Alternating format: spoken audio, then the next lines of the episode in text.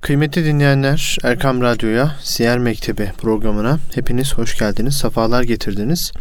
Ben Deniz, program sunucunuz Sami Zorlu ve kıymetli hocam Aziz Mahmut Hüdayi Vakfı İlmi Araştırmalar Merkezi İlam Akademi öğretim görevlilerinden Erhan Turan hocamla birlikteyiz. Siyer Mektebi programında bu hafta ibret tecellileriyle dolu bir harbi Uhud gazvesini, Uhud harbini e, konuşacağız. Burada neler yaşandı?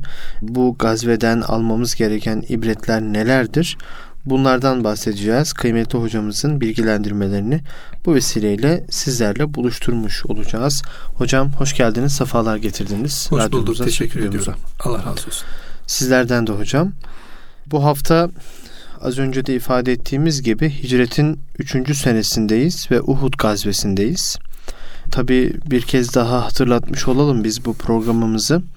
Muhterem Osman Nuri Topbaş Hoca Efendi'nin kaleme almış olduğu iki ciltlik Hz. Muhammed Mustafa sallallahu aleyhi ve sellem bir Mekke devri iki Medine devri olmak üzere iki cilt halinde kaleme almış olduğu kitaptan e, başlıkları takip ederek yapıyoruz ve bu kitabın ikinci cildindeyiz ve hicretin üçüncü senesine geldik.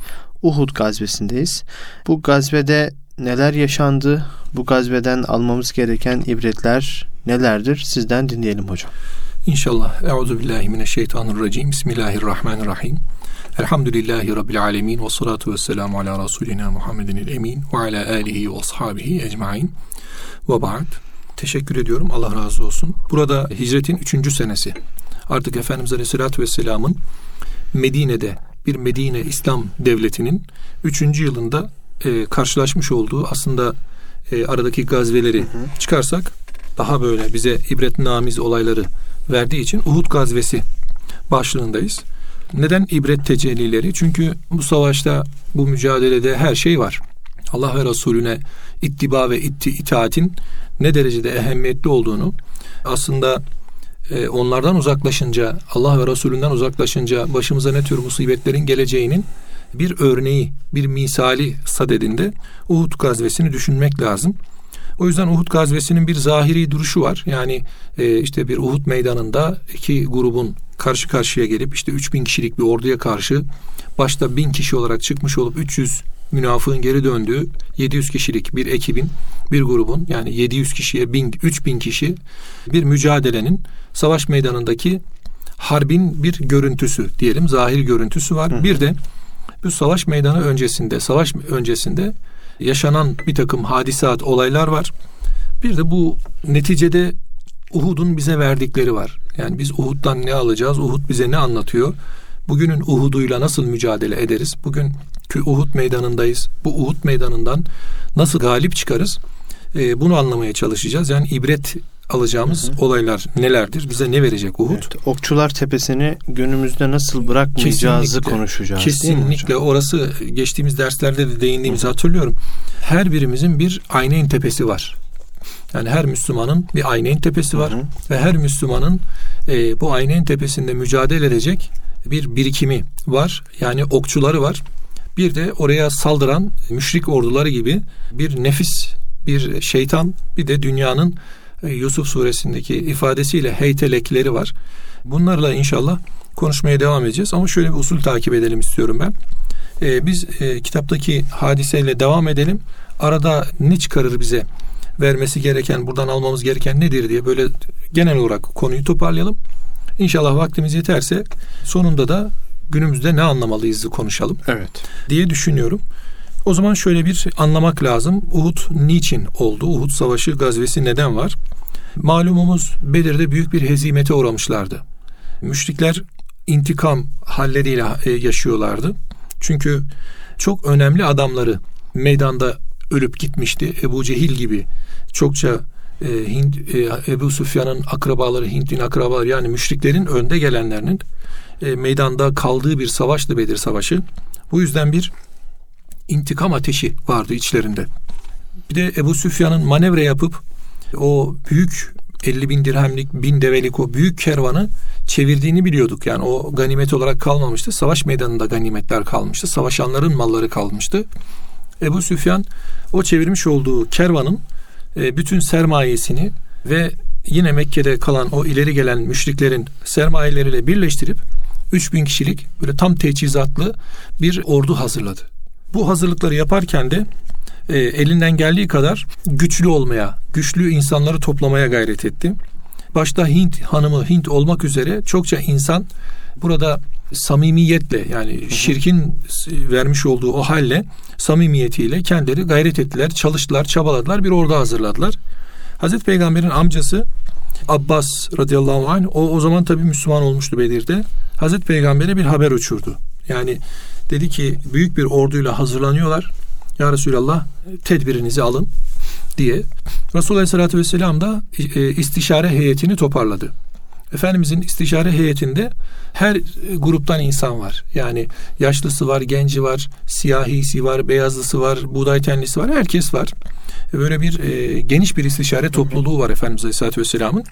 İstişareyi yaparken tabii iki e, harbin iki unsuru söz konusu. Müdafaa mı yapılacak yoksa taarruz mu yapılacak? Yani savunmaya mı çekileceğiz, saldıracak mıyız?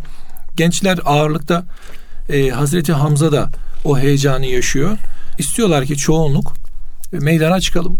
Uhud'da nasıl Bedir'de yaşadığımız bir harp olduysa kılıç kılıça göğüs göğüse biz bu harbi de Uhud'u da aynı şekilde karşılayalım ve böylece müdafayı bırakıp savunmaya değil taarruza geçelim diye bir ağırlıkta bulundular.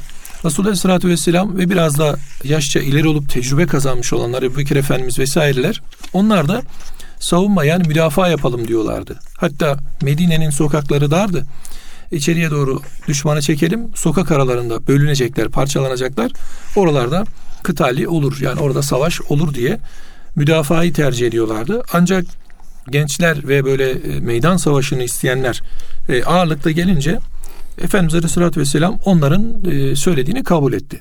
Peki dedi o zaman dedi sizin dediğiniz gibi biz taarruz harbine razı olduk dedi peygamberimiz. Herhangi bir konuda da istişare ettiği zaman Allahü Teala Hazreti Peygamber'e kendi reyiyle, kendi fikriyle hareket etme serbestliği vermişti zaten. Ve şavirhum fil emir var. Ayet-i kerimede estağfirullah. Ancak işlerinin istişaresinden sonra fe izâ azemte sen de herhangi bir şeye azmedersen fetevekkel Allah. Yani peygamberimiz aslında bu istişareyi Allah'ın emriyle isteseydi e, kendi istediği hale çevirebilirdi. Yani haydin biz siz böyle söylediniz ama biz razı olduğumuz hal müdafadır. Müdafaa yapalım diyebilirdi. Evet. Ama buradan sahabe efendilerimizde de bu hassasiyet vardı değil mi? Vardı elbette yani, vardı. Ya Resulallah bu dediğiniz Allah'ın bir emri midir? Yoksa sizin söylediğiniz bir şey midir? Tabii. Bunu mesela şeyde göreceğiz. E, meydanda göreceğiz mesela. Uhud meydanına gelindiğinde Resulullah Vesselam bir konum belirliyor. Onlar ne diyorlar? E, Bedir'de de böyle olmuştu. Evet. Diyorlar ki ya Resulallah şöyle arkamızı dağa versek şu kısmı önümüze alsak burası meydan önümüzde dursa diye böyle teklifleri oluyor. Efendimiz Aleyhisselatü Vesselam bu, devamlı bu fikirlere açık. Evet. Yani burada e, şey yapmıyor. Yani sen bilmezsin demiyor. Ben peygamberim demiyor. Demiyor. Çünkü orada bir Haşa. istişare söz konusu. Çünkü ortadaki ayet değil vahiy değil. Resulullah sallallahu aleyhi ve sahabi bunu bildiği için o biraz önce sizin buyurduğunuz şeyi söylüyor. Ya Resulallah bu bir vahiy midir? Yoksa sizin e, dünyada almış olduğunuz bir dünyevi, dünyevi bir karar mıdır? Hı hı. Bu soruyu soruyor. Efendimiz Aleyhisselatü Vesselam yok benim şahsi fikrim deyince şöyle yapsak olmaz mı ya Resulallah diyorlar. Mesela Hendek'te de Selman-ı Farisi çıkacak. Diyecek hendek ya Resulallah tabii hendek kazalım ya Resulallah diyecek. Efendimiz beğenecek o fikriyatı. Bu haliyle Efendimizin istişareleri devamlı açık. Ama bu istişareler karara bağlandıktan sonra e, Efendimiz sabit kadem olmayı e, yani verilen karara e, tabi olmayı ve benim size vereceğimiz emirlere de uymayı size emrediyorum diyor. Yani Hı-hı. neyse ben size ne söylesem onu yapın. Tamam taarruz olacak ama ben de size bir takım tavsiyelerde bulunacağım. O yüzden o tavsiyeleri de tutacaksınız diyor. Dışarı çıkıyorlar istişareden sonra sahabiden birisi diyor ki ya diyor bu kararı alanlara siz diyor şimdi böyle söylediniz ama diyor Efendimiz Aleyhisselatü Vesselam'ın görüyorsunuz ki Medine'den çıkmak gönlünde yok. Siz bunu şahit oldunuz. Tamam siz gençler olarak böyle heyecanlar olarak dediğiniz gibi taarruz harbi yapacağız tamam ama Efendimiz Aleyhisselatü Vesselam'ın gönlünde müdafaa vardı diyorlar. Bu sefer diyorlar ki biz yanlış yaptık. Resulullah Aleyhisselatü Vesselam'ın gönlündekine tabi olmak varken kalktık biz kendi heyecanımıza tabi olduk. O da bizim heyecanımıza destek oldu diye geri dönüyorlar peygamberimize. Evet. Diyorlar ki ya Resulallah biraz önce hani bir istişare olmuştu ya. O istişarede biz kendi kararımızdan vazgeçtik. Siz nasıl arzu ederseniz öyle olsun. Siz nasıl isterseniz öyle yapalım dediler. Resulullah Aleyhisselatü Vesselam bir peygamber zırhını giydikten sonra harp etmeden onu çıkarmaz buyurdu. Eyvallah. He, ama dedi burada ben size ne buyurursam onu yapacaksınız. Ne söylersem ona tabi olacaksınız. Şimdi gidin hazırlıklarınızı yapın. Sabrederseniz ve benim dediklerimizi size verdiğim vazifeleri yaparsanız o zaman Allah size zaferi nasip edecektir diye sanki daha sonrasında yaşanacak olayların böyle bir filmini seyretmiş gibi e, anlatıyor peygamberimiz. Yani bundan sonra bir şeyler yaşayacaksınız ama benim verdiğim emirlere tabi olursanız zafer sizindir. Ama bunlara tabi olmazsanız o zaman muzafferiyetten uzak kalırsınız. Uyarısı da yapıyor, tembihinde bulunuyor peygamberimiz. Tabi burada biz hem istişarenin önemi hem verilen karara olan saygıyı hem de Hazreti Peygamber'in bir ferasetini, bir basiretini biz ona fetanet diyoruz. Hı hı. Bir de Cenab-ı Hakk'a olan tevekkülünü ve teslimiyetini görüyoruz. Yani neticede sayının ehemmiyeti yok. Neticede iman burada e, kavidir. Bir de nerede oldukları önemli değil. Neticede müdafaa harbi yaparken de nefse yenik düşerlerse, mağlup olurlarsa müdafaada da yine yenilirler. Taarruzda da yani meydan harbinde de zafer yabı olursunuz ya da savunma yaparken de yenilirsiniz. Ama burada önemli olan nedir? Önemli olan Allah'ın ve peygamberinin vermiş olduğu emirlere itaat etmektir ve arkasından da verileni doğru şekilde en güzel şekilde yapmaya çalışmaktır. Evet. Bu hali peygamberimiz açıkçası izah ediyor, vurguluyor. Sonrasında Abdullah bin Ümmü Mektum'u kendine Medine'de vekil olarak bırakıyor. Ardından da bin kişilik bir ordu topluyor ve yola çıkıyor. Bu yola çıkarken de aralarından 300'lük bir münafık grubu ayrılıyor. Tabi 300'üne de münafık demek doğru değil aslında. Çünkü yeni Müslüman olmuş olanlar var. Kalplerinde henüz daha İslam böyle kavi olmamışlar var. Ee, korkanlar var. Korkanlar var. Yani başka niyetleri olanlar var. Onlar da işin içerisinde olduğu için 300'üne de yani bir tam sayı vermek doğru değil. Yani ayrılan geri dönen 300'ün 300'üne de münafık demek insafsızlık olur. Ama içlerinde ağırlıkta olan münafıklar. Bu geri dönüyorlar. Yalnız e, tabii biz baktığımızda e, sanki 300 kişinin bir gruptan ayrılması şimdi ordu bin kişilik bu üçte bir demek. Yani üçte bir de az bir rakam değil. Yani ordunun bir anda sayıca e, düştüğünü gösteriyor. Yani kemiyet bakımından baktığımızda sayı bakımından baktığımızda kuvvet azalıyor gibi. Ama vakanın keyfiyetine bakarsak yani olayın kuvamına kuvvetine bakarsak içinizden kalbinde eğrilik olanlar tam imanı içine oturmayanlar ya da münafıklar ayrıldıktan sonra daha kavi, daha güçlü bir kuvvet kalıyor aslında. Hmm. Yormuyor sizi. Yormuyor. Evet, eleniyor. Evet. Yani aslında bu elenmesi burada hayır. Sanki evet. şer gibi duruyor ama hayır. Onları taşımak zorunda kalmıyorsun. Tabii. Tabii onları taşımak zorunda kalmıyorsunuz. Onların e, bir de meydanda şöyle düşünelim. Biri hani bir manevrayla Halid bin Velid çevirmişti Müslümanlar arkasından gelecek konuşacağız meydandaki bin kişi bir anda 400-300 kişi çıkacak olsaydı bu manevrada kaybediyoruz biz ölmeyeceğiz kaçıyoruz deselerdi belki ordunun diğer 200-300'ü de ayrılıp gelecekti peşlerinden. Ama meydanda savaş e, mağlubiyete döndüğü zaman insanlar şöyle hadi biz gidiyoruz bırakıyoruz ya olmadı yenildik mağlup olduk diye çıktıklarında Efendimiz haydi etrafıma toplan deyince sahabe tekrar toplanıyor. Hmm. Ya bu, Çürükler aradan ayrılmıştı. Tabii, ayrılmıştı çünkü. Ama öbür türlü ne yapıyor? E, diğeri koluna birini daha takıp gidiyor. Bu da ayrılmış olduğu için Medine, Medine'de kaldığı için artık o bir samimiyetin imtihanıydı. O samimiyeti de belirleyip tespit etmiş oldu. Artık yani bir savaşın ya da bir kazancın, bir kazanımın, bir zaferin aslında kemiyetle değil keyfiyetle olduğunu gösteriyor. Yani sayının çok ehemmiyeti yok. Ayet-i kerime zaten söylüyor nice az topluluklar nice çok toplulukları galip gelmiştir diye. Bunların her birinin bizde ispatı da var. Ayetlerde de ispatı var. İşte Talut'un ordusunun Calut'un ordusuna galip gelmesi gibi. Burada bir sayıca azalma sadece bir kalabalık azalması gibi görünüyor ama asıl olarak imanın kıvamı takva burada e, zafere e, yardımcı oluyor. Hayır gibi görünen de bazen şer, şer gibi görünen de bazen hayır oluyor. Bu aslında şerrin içerisinde bir hayır bize gösteriyor. Bir de olayın şu vecesi var. Münafıklarla birlikte münafıklara tabi olabilecek olan 300'ü görmüş oluyorsunuz. Evet. Yani e, kalplerinde aslında size bir nevi bu ayrım yapılırken ilgilenilmesi gereken 300 kişiyi de göstermiş oluyor tabirlerindeyse. Yani şimdi 700 kişi belli. Onlar iman sınavını geçmiş gelmişler meydana katılmışlar ama Diğer tarafta 300 kişi ayrılmış. O zaman Medine'ye döndüğümüzde bizim mücadele, bizim onlarla mücadele edeceğimiz, emri bil maruf nehyanil münker yapacağımız, üzerlerine iman kıvamlarına çalışacağımız 300 belli demektir. Bu da e, aslında önemli bir işaret. Yani 300'ün ayrılması önemli bir işaret. Bu korkaklık da temizlenmiş oldu, çıkmış oldu. E, burada tabi peygamberimiz savaş hazırlığı yaparken sahabe e, peygamberimize teker teker gelmeye başlıyor. Çünkü herkese izin verilmiyor. Bazılarının mazeretleri var. Mesela Amr bin Cemuh diye bir sahabimiz var. Bedir'e de katılmak istemiş ama hem çocukları mani olmuş hem de Efendimiz e, sen ayağın topal sen savaşta savaşmakla mükellef değilsin kalabilirsin demiş. O da onun içerisinde uhde olmuş. Ben şehadet istiyorum bana neden mani oluyorsunuz diye e, hem çocuklarına itiraz etmiş. Efendimiz Aleyhisselatü Vesselam'dan da ricada bulunmuş. Resulullah Aleyhisselatü Vesselam'a en son şu sözü söylüyor. Diyor ki ya Resulallah diyor siz benim cennette şu topal bacağımla gezmem yürümeme razı değil misiniz diyor. Yani değişik bir muhabbet var, değişik bir aşk var. Efendimiz Aleyhisselatü Vesselam bunu görünce e peki o zaman diyor bu sahabi savaşta şehit oluyor. Evet. Ardından Efendimiz onu ben cennette sekerek yürürken görüyordum diyor. Ya bu işte sahabenin cennet aşkı, ahiret e, endişesi. E, burada bizim alacağımız en büyük aslında ibret bu. E, her birimizde bir cennet özlemi olması lazım. Bir cehennem korkusu olması lazım. Bir ahiret kavuşması, ümidi olması lazım. Allah'a kavuşma ümidi olması lazım. Bunlar kalpten kalktıkça, bunlar insanın duygu dünyasından, manevi dünyasından kalktıkça o zaman yerine e, dünyevi zevkler yerleşmeye başlıyor. Sonra onlar bizi idare etmeye başlıyor. Bu sahabimiz bunu kafasından silmiş ve şehadete ermiş. E, yine iki genç var. Semure bin Cündep ve Rafi bin Hadici diye. Bunlar da çok farklı iki genç. Bunlar çocuk, küçük çocuklar. Birisi biraz daha boyluca, birisi biraz daha pehlivanca yapılı. Semure'ye e, tabii bunlar savaşa katılmak istedikleri zaman bir gerekçeleri de olmalı. Rafi'in e, akrabalarından birisi peygamberimize gelip diyor ki ya Resulallah diyor çok iyi ok atar diyor. Evet. Attığını vurur.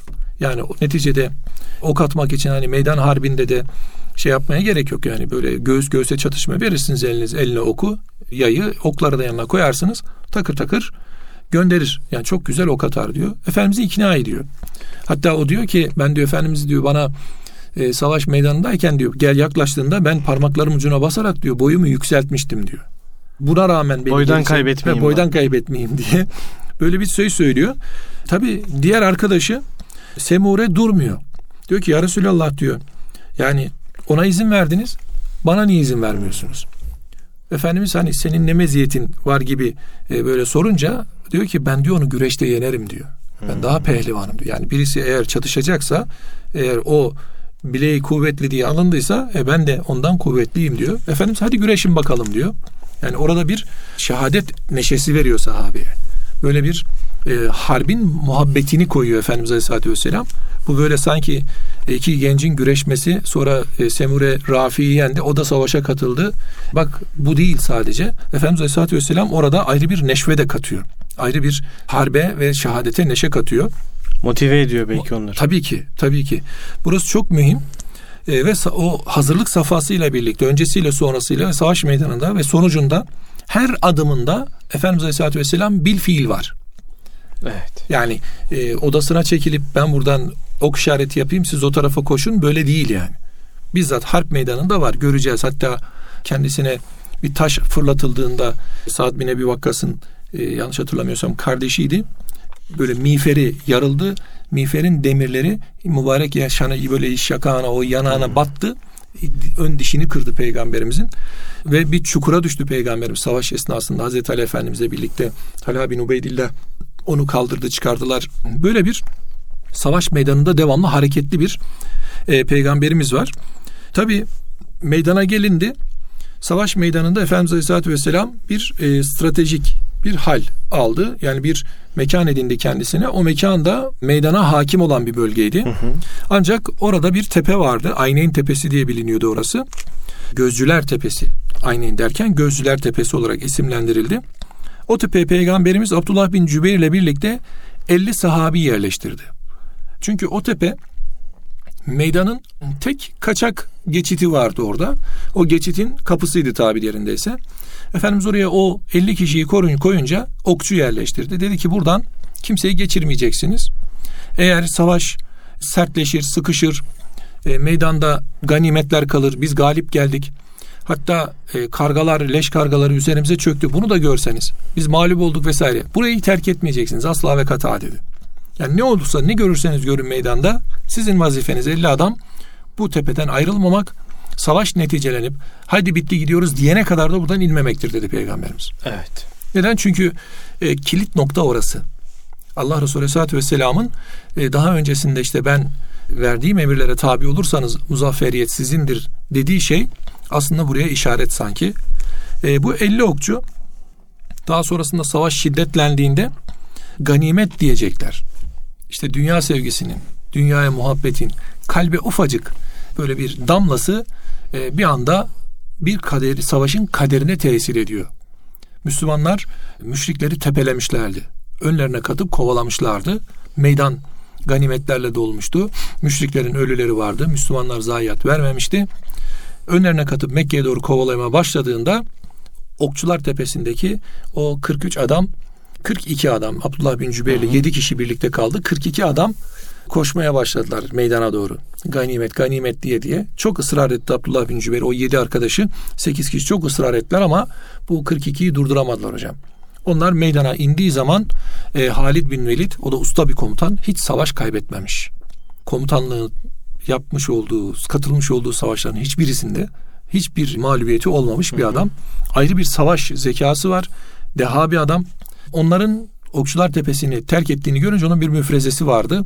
O atlı grubuyla birlikte arka taraftan dolandı. Ok yağmuruna tuttular. Kılıçtan geçirdiler. O sekizini şehit ettiler tepede. Ardından o kapıdan giriş yaptılar. Müslümanlar arada kala kaldı. Müslümanlar arada kala kaldı. Hani böyle iki e, kapak arasındaki şey gibi böyle kağıt gibi sıkıştı kaldı Müslümanlar. Ondan sonra dağılma başladı. Bunu konuşacağız inşallah. Efendimiz hazırlık safhasında bir kılıç çıkarttı. Üzerinde korkaklıkta ar ve zillet, ileri atılmakta şeref ve izzet vardır yazıyordu Arapça haliyle. Hı hı. Bu kılıcın hakkını kim verir benden alır diye sordu. Sahabi herkes ayağa kalktı biz ya Resulallah diye. Ee, ancak Efendimiz peki bunun hakkını kim verir deyince sahabi bir şöyle bir baka kaldı. Ebu Dücane kalktı. Ya Resulallah ben veririm dedi. Ama dedi hakkı nedir diye sordu. Efendimiz Aleyhisselatü Vesselam da eğilip bükülünceye kadar düşmanla vuruşmandır dedi. Yani bu kılıç düşene kadar sen mücadele edeceksin dedi. Ebu Dücane'nin rivayetlerde öyle geçiyor. Bir yürüyüşü varmış. Eline almış kılıcı şöyle gururlana gururlana böyle omuzlarını kaldırmış. Hı hı. Meydanda şöyle bir e, poz vermiş tabiri yerindeyse. E, Efendimiz Aleyhisselatü Vesselam bu yürüyüş öyle bir yürüyüştür ki Allah ona bu gibi durumların haricinde olsaydı buğz ederdi diyor. Demek ki Müslümana bir duruş güzelliği katacak ama müşrik karşısında, kafir karşısında Müslüman tevazuyu da bir yerde e, vakara bir yerde vakarsa karşısındaki kibirleniyorsa ona da çevirmek durumundadır. Yani burada bir aslında bir e, karşı tarafa bir duruş sergiliyor peygamberimiz. Hatırlarsınız bu Kabe'yi işte tavaf esnasında da bir yerden geçerken e, bir hervele dediğimiz hadise vardır. Sahabi böyle omuzlarını kaldıra kaldıra yiğit yiğit yürürler. Bu ibadetimizde de vardır yani bir hac ibadetimizde de vardır. E, önemli bir şey. Yani Müslümanın Müslümana karşı muhabbette her zaman için liyakati ama küfara karşı da e, mutlaka bir duruşu olması lazım. Bir de burada şu var. Hangi vazife verilirse verilsin o vazifenin en güzel şekilde yerine getirilmesi meselesi var. İşte 50 okçunun tepedeki vazifesinin yerine getirilmesindeki noksanlığı koca bir savaşın kaybına. Öbür tarafta işte e, bir kılıcın hakkının verilmesi, onun hakkı neyse işte eğilip bükülmesi ise ona kadar yapılması, verilmesi hali. Tabi Medine'de Müslümanlardan başka yaşayan topluluklar da vardı. Yahudiler vardı. Onların da Medine müdafasına sözleşmesine göre Medine müdafada Müslümanlara yardımcı olmaları gerekiyordu. Evet. Ama onlar sözlerini tutmadılar. Yani Medine vesikasının o maddesini e, dikkate almadılar. İçlerinden Yahudi alimlerinden birisi vardı. İsmi Muhayrık. Bu Muhayrık Müslüman olmuştu. Efendimiz Aleyhisselatü Vesselam'ın o Tevrat'ta anlatılan vasıflarıyla da bildiği için Yahudilerin ileri gelenlerinden değil aynı zamanda bir tepeye çıktı. Yahudilere e, Hazreti Peygamber'e yardımda bulunmaları üzere tebligatta bulundu. Ama onlar bugünü cumartesidir dediler. Çünkü evet. onların e, cumartesi günü Şabat denilen günleri var. O günde e, hiçbir şey yapmamaları gerekiyor kendilerince. Hazreti Peygamberin bu halini muhayrık tabi siz çok bilirsiniz ya şabatı deyip itirazda bulundu. Sonrasında ben bütün malımı mülkümü Allah Resulüne hibe ettim. Bütün her şeyim onundur. Tabi bu miras şey olarak kendi çocuğuna çocuğuna ihtiyaçlarını ayırdıktan sonra kalanların tamamını Allah Resulüne verdim buyuruyor. Eğer ölürsem tamamı onlarındır dedi. Ve e, epeyce bir mal varlığı da Resulullah Aleyhisselatü Vesselam'a intikal ettirildi vefat etti şehit edildikten sonra. Hı hı. Efendimiz onun hakkında en hayırlısıydı buyuruyor Yahudilerin. En hayırlısıydı buyuruyor. Tabi burada iman sahneleri var hep. Hı hı. Bir de bir sahabi bu da Kuzman adında. O da savaş meydanında çokça varlık göstermiş birisi. Ancak e, yara almış. Efendimiz Aleyhisselatü Vesselam'a ya Resulallah Kuzman şehit olacak dediklerinde Kuzman cehennemliktir buyurdu Peygamberimiz. Allah Allah. Tabi bu sahabinin de e, dikkatini çekiyor. Diyor ki hem bir yandan diyor savaştım hem de bir yandan diyor onu takip ettim diyor. Sonra Kuzman diyor bir yara aldı diyor. Bir yara daha aldı, bir yara daha aldı. Artık takatten kesildi. Yere doğru dizler üzere çöktü. Dedim ki diyor Kuzman şehadetin mübarek olsun dedim diyor. Hmm. Buradaki hocam ifade çok mühim. Diyor ki ben kabilemin kabilem için savaştım şehitlik için değil diyor. Evet. Ben kabilem için savaştım şehitlik için değil. Demek ki vatan müdafası da niyet. Ameller niyetler. Ameller niyetlerle şekilleniyor. Tabi biz bir vatanda yaşıyoruz. Bu vatanın müdafası imanımızı, İslam'ımızı yaşadığımız toprağın müdafası. Tabi toprakla bir bütündür. Bundan dolayı inşallah vatan müdafası burada mühim. Ama buradaki kabileden kasıt nesep üstünlüğü, ırk üstünlüğü hmm. ve ben bana vazife verildi geldiğim gibi bir haldir. Müslüman bu insan ama niyet biraz sıkıntılı. Tabi sahabi devam ediyor diyor ki o yaralar aldı. Sonrasında diyor acısına da dayanamadı diyor. Sonra diyor kılıcına diyor şöyle boğaz boşluğunun alt tarafına çukura diyor koydu. Sonra üzerine kendisini bıraktı diyor. Bu haliyle bir de intihar etti diyor. Hmm. Efendimiz Aleyhisselatü Vesselam'ın diyor ne kadar doğru söylediğini o zaman diyor orada da görmüş oldum diyor. Bu bir niyet. Yine bir başka genç Usayram diye biliniyor. Amr bin Sabit. Hı Peygamberimize geliyor. Daha Müslüman da değil. Diyor ki ya Resulallah ya, ya Muhammed diyor ben şimdi diyor geldim. Müslüman da olacağım diyor. Ama diyor savaşayım mı Müslüman olayım? Yoksa Müslüman olduktan sonra mı savaşayım? Hmm. Efendimiz Aleyhisselatü Vesselam önce Müslüman ol ondan sonra savaş buyuruyor. O da peki o zaman diyor. Şehadet getiriyor. Akabinde atına biniyor. Düşman saflarına dalıyor. Orada da şehit oluyor. Az çalıştı. Çok kazandı. Çok kazandı. Hocam Hazreti Ebu Hureyre bilmece olarak sorarmış bunu. Dermiş ki sahabe içerisinde hayatı boyunca hiç namaz kılmamış ama cennetlik olan kimdir? Ya. Bu, bu sahabimiz. Yani Usayram diye biliniyor lakabı ama adı Amr bin Sabit. Bu e, genç şehadeti çok kısa süre yani belki bir saat bile değil yani. Yani İslamlığı, Müslümanlığı, işte niyet. Biraz önce bir sahne var Kuzman. Niyet bozuk. Diğer tarafta hı hı. E, bir sahabi var. O da Usayram. Onun da niyet başka. Böyle olunca e, ameller niyetlerle yerine göre e, makam da tayin ediyor demek ki. Eyvallah. Hocam çok teşekkür ediyoruz. Şehitlerin efendisi Hazreti Hamza'yı e, peki, konuşacağız ama peki. e, süremizin de sonuna gelmiş olduk. Teşekkür ederim. Allah e, Uhud'u konuşmaya devam edeceğiz. E, Uhud'dan sizin de e, program içerisinde de programımızın başında da bahsettiniz.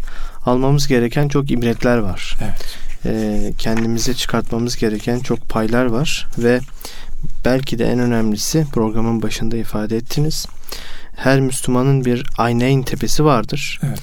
Biz de belki bu programlar vesilesiyle bizim Ayneyn tepemizi keşfedeceğiz. İnşallah. Ve bu tepeyi nasıl korumamız gerektiğini ne tür mücadeleler ne tür mücadeleler gerektiğini. vermemiz gerektiğini bu programlar vesilesiyle bir kez daha hatırlamış, hatırlatmış olacağız inşallah. Çok çok teşekkür ben ediyoruz. Ben teşekkür ediyorum. Allah razı olsun. Sizlerden de olsun inşallah.